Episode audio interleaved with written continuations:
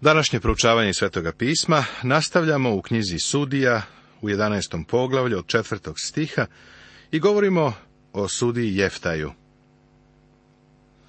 I danas, prijatelji, ima onih koji tvrde da su deca Božija, ali nisu. Oni su nezakoniti jer nisu na novorođeni. Zakoniti sin Božiji možeš postati jedino kada poveruješ u gospoda Isusa Hrista. Jefta je bio izgnan, ali je sada uzvišen. A posle nekog vremena zavojištiše sinovi Amonovi na Izraela. I kad zavojištiše sinovi Amonovi na Izraela, otidoše starešine Galatske da dovedu Jeftaja iz zemlje Toba. I rekoše Jeftaju, hodi i budi nam vojvoda, da vojujemo sa sinovima Amonovim.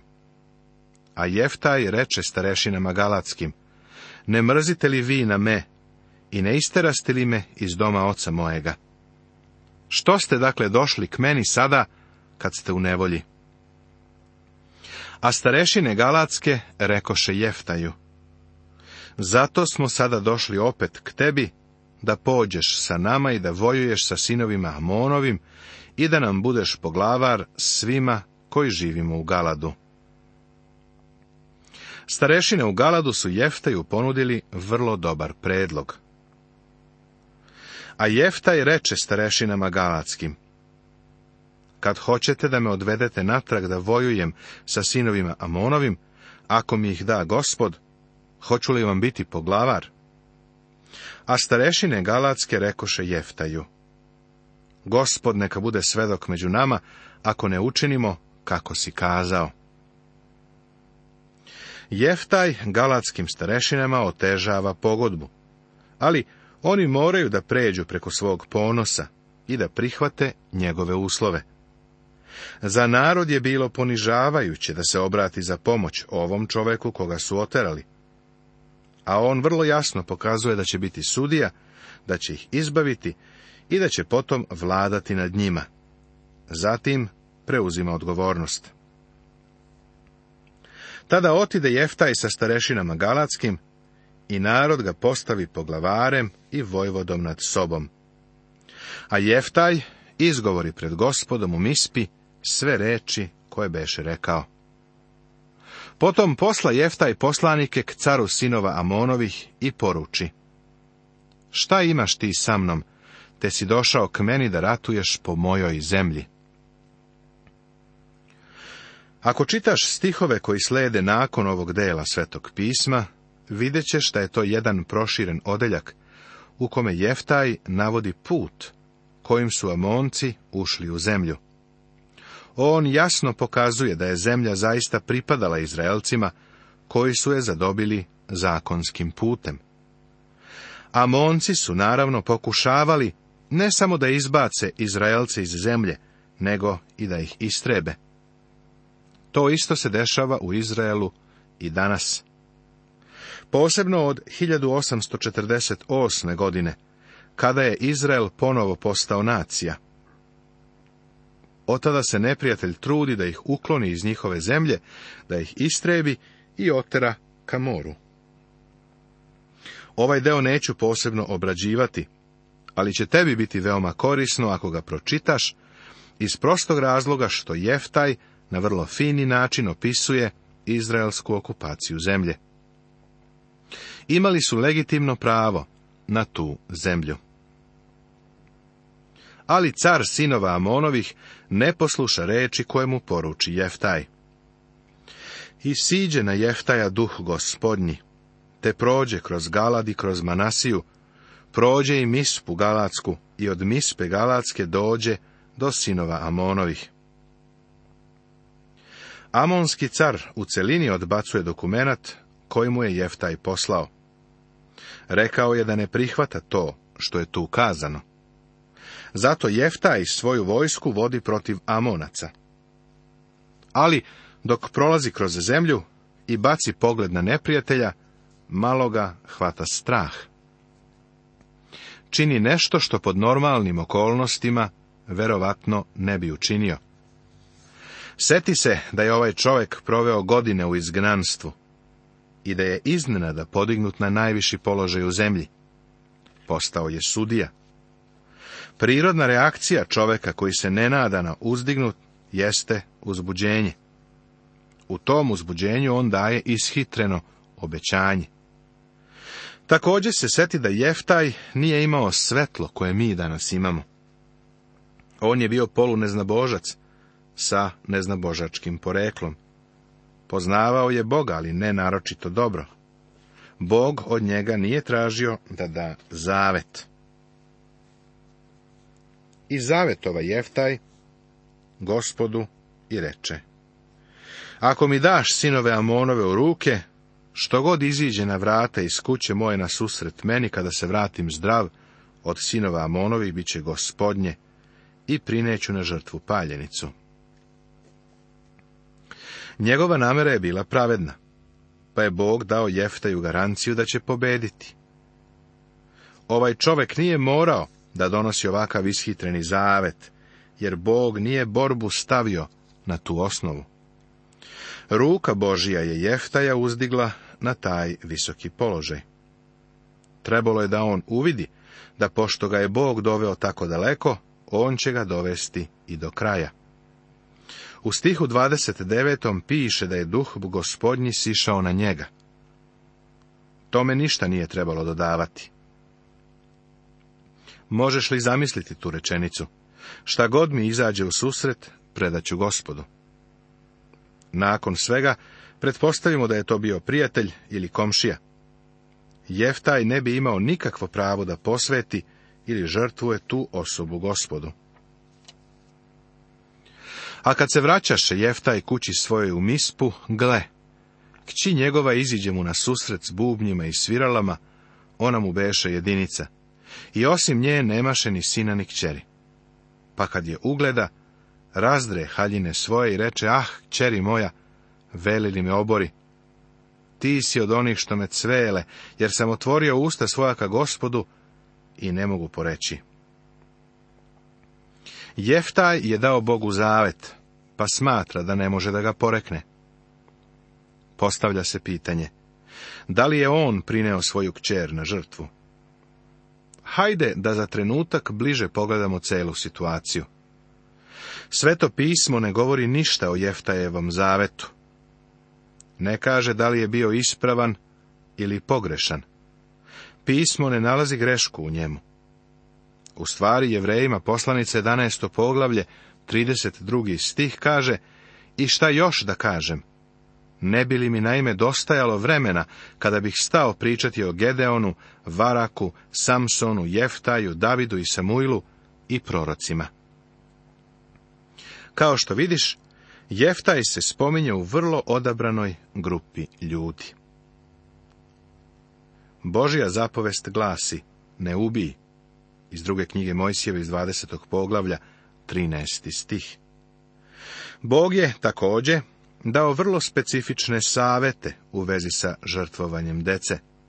U petoj knjizi Mojsijeva, u 12. poglavlju, 31. stih piše Ne čini tako gospodu Bogu svojemu, jer oni činiše svojim bogovima sve što je gadno pred gospodom i na šta on mrzi, jer su i sinove svoje i kćeri svoje sažizali k bogovima svojim.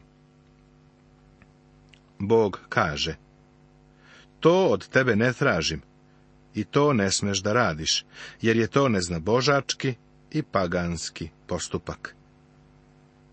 Bog nije dozvolio Avramu da žrtvuje Isaka. To treba da shvatimo. Cela poenta u vezi sa Avramom i Isakom je u tome da se vidi koliko daleko je Avram bio spreman da ide sa Bogom. I kao što se pokazalo, bio je spreman da ide do kraja. Avram je podigao nož i bar što se njega tiče, Isak je bio mrtav. Ali što se Boga tiče, on nije dozvolio Avramu da ubije svoga sina. Mislim da jezička konstrukcija upotrebljena u 31. stihu određuje način na koji treba da damo tumačenje. Zapazi da Jeftaj kaže, što god izađe na vrata iz kuće moje na susret meni, kad se vratim zdravo sinova Amonovih, bit će gospodnje i prineću na žrtvu paljenicu. Samo malo bih promijenio način čitanja posljednje rečenice. Moglo bi se ovako pročitati, ili ću prineti žrtvu paljenicu. Sada znači Jeftaj kaže da će učiniti jednu od te dve stvari – ili će prineti žrtvu paljenicu, ili će gospodu dati na dar. Da li je svoju kćer prineo kao žrtvu paljenicu? Ne verujem. Smisao ovoga je da ju je odvojio za trajno devičanstvo. Tako ovdje imamo Jeftaja. On sam je nezakoniti sin i ima jedinicu kćer. Želi da se ona uda i da on dobije unučiće. Ali baš njegova kćer izlazi pred njega kroz vrata da ga dočeka i pozdravi, pa on nju daje gospodu. To znači da se ona nikada neće udavati. Kazat ćeš mi, da li si siguran u to? Pa, poslušaj šta kaže sama devojka. A ona mu reče, oče moj, kad si otvorio usta svoja ka gospodu, učini mi, kako je izašlo iz usta tvojih, kad te je gospod osvetio od neprijatelja tvojih, sinova Amonovih. Zapazi to da je njegova kćer bila poslušna. Rekla je da će učiniti sve što je on obećao gospodu. Još reče ocu svojemu, učini mi ovo. Ostavi me do dva meseca, da odem, da se popnem na gore, da otplačem svoje devojaštvo s drugama svojim. Ona nije razumela njegovo obećanje u tom smislu da će biti žrtva paljenica ili prinos gospodu, već da se neće udavati. To su njene namere i ona oplakuje stanje svoga devičanstva. Nikada pred nekog čoveka neće biti izvedena kao nevesta. Njen život će biti posvećen gospodu. A on joj reče, idi i pusti je na dva meseca. I ona otide s drugama svojim i oplakiva devojaštvo svoje po gorama. A kad prođoše dva meseca, vrati se k ocu svojemu. I on svrši na njoj zavet svoj, koji beše zavetovao. A ona ne pozna čoveka. I posta običaj u Izraelu, da od godine do godine idu kćeri Izraeljeve da plaču za kćerju Jeftaja od Galada četiri dana u godini. Ovaj odeljak nam govori o tome da se Jeftajeva kćer nije udavala. Umjesto toga, njen život je bio posvećen gospodu. Reč plač u 40. stihu znači proslavu. Svake godine četiri dana su na poseban način posvećena Jeftajevoj kćeri. Ona je u potpunosti bila posvećena gospodu i njegovoj službi. Nema indikacija za to da je bila prineta kao žrtva. Godinama su se ljudi raspravljali oko ove priče. Meni lično su ovo pitanje mnogo puta postavljali. Da li je Jeftaj prineo na žrtvu svoju kćer? Ne, nije. Ali nije stvar u tome. Bog mu ne bi dozvolio da svoju kćer prinese na žrtvu paljenicu. Značajno je to da je Jeftaj održao obećanje i zavet. Njegov zavet je bio nešto sveto.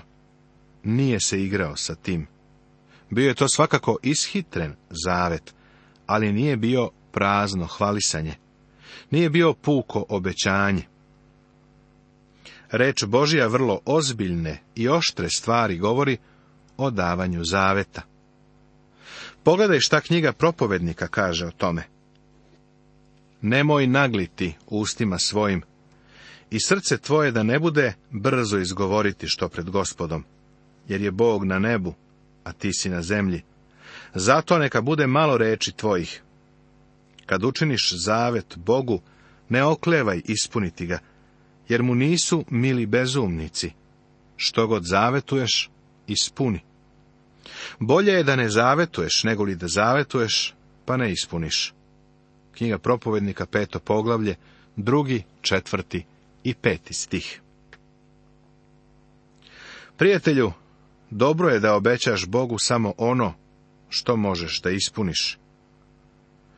Plašim se da mnogo hrišćana samo obavlja mali obred možda posle službe odu do oltara, zapale sveću i tako se predaju Bogu. Neki se stalno iznova predaju. A Bog kaže ne nagli ustima.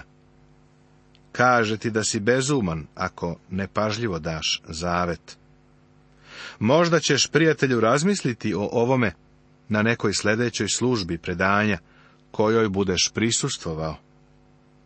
Ne žuri kao oltaru da gospodu sve prineseš, ako stvarno ne misliš to što kažeš. Jefta je bio nezakonito dete. Njegova majka je bila prostitutka. Imao je slatku divnu kćer i želeo je da se ona uda i da ima decu. Nesvesno ju je posvetio gospodu, ali je održao svoj zavet. Današnji hrišćani su poznati po tome što daju i krše zavete. To sam primetio kada sam počeo da se krećem po hrišćanskim krugovima. Kao mladi hrišćanin otišao sam na omladinsku konferenciju i gledao kako osamnaest mladih ljudi izlazi napred i predaje se gospodu za puno vremenu hrišćansku službu. Ja nisam izašao napred jer nisam znao da li mogu da ispunim obećanje. Znate, od svih koji su se te večeri predali gospodu, ni jedno nije ušlo u punovremenu službu. Da li si ti dao zavet gospodu? Ako jesi, on želi da ga ispuniš. Istinita je reč. Ako smo s njim umrli, s njim ćemo i živeti. Ako podnosimo, s njim ćemo i carovati. Ako ga se odreknemo, i on će se odreći nas. Ako smo neverni, on ostaje veran, jer ne može da se odrekne samoga sebe. Kažu 11. 12. i 13. stih drugog poglavlja druge poslanice Timoteju. O, on drži svoju reč. Ali veran je gospod koji će vas utvrditi i sačuvati od zla, kaže druga poslanica Solunjanima u trećem stihu trećeg poglavlja. Kako je divan Bog i kako smo nerazumni mi danas. je primjer za nas danas treba da nam bude pouka. Poglavlje 12. Tema Jefremova ljubomora Sudije Avesan, Elon i Avdon Jefrem je kažnjen. A ljudi od plemena Jefremova skupiše se i prešavši na sever rekoše Jeftaju zašto si išao u boj na sinove Amonove, a nas nisi pozvao da idemo sa tobom? Spalit ćemo ognjem dom tvoj i tebe. A Jeftaj im reče, imah veliku raspru sa sinovima Amonovim, ja i moj narod, i pozvah vas, ali me ne izbaviste iz ruku njegovih. Pa videći da me ne izbaviste, stavih dušu svoju u ruku svoju i otidoh na sinove Amonove, i gospod mi ih dade u ruke. Pa što ste sada došli k meni, da se bijete sa mnom? Vidjeli smo da su se ljudi iz Jefremovog plemena također prepirali sa Gedeonom, u osmom poglavlju prvi stih, kada ih nije pozvao da mu pomognu protiv Madijana. Sada su na neprijateljski način od Jeftaja zahtevali da im navede razlog zbog kojeg nije tražio njihovu pomoć u borbi. Jefremova ljubomora je zaista bila kao infekcija koja je vodila u dezerterstvo. Kasnije, kada se carstvo podelilo na severno i južno, vidjet ćeš da se Jefrem našao u centru celokupne pobune, a sve vodi unatrag do njihove ljubomore. I u današnjoj crkvi postoji ljubomora.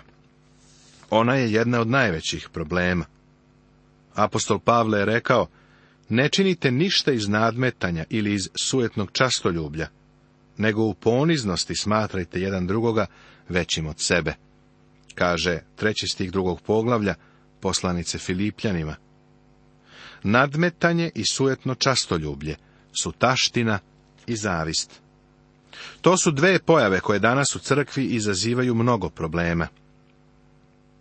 Kada čujem da se neko u crkvi žali, da se crkva ne vodi onako kako on smatra da bi trebalo, odmah se pitam da li je ljubomoran. Kada otkrijem nekoga ko se stalno suprotstavlja propovedniku, sumnjam da se iza toga krije ljubomora. Ljubomora je i ovde bila problem. Jeftaj je morao da se zaštiti. Pripadnici Jefremovog plemena su nameravali da mu spale kuću. Tada Jefta iskupi sve ljude od Galada i udari na Jefrema. I ljudi od Galada pobiše Jefrema, jer govorahu, begunci ste Jefremovi vi, ljudi od Galada, koji se bavite među Jefremom i među Manasijom. I Galad uze Jefremu brodove Jordanske. I kad koji od Jefrema dobeže i reče, pusti me da pređem, rekoše mu oni od Galada, jesi li od Jefrema? I kad on reče nisam, Onda mu rekoše, reci šibolet, a on reče sibolet, nemogući dobro izgovoriti. Tada ga uhvatiše i zaklaše na brodu Jordanskom. I pogubi u ono vrijeme iz plemena Jefremova četrdeset i tisuće ljudi. Nastavit će se.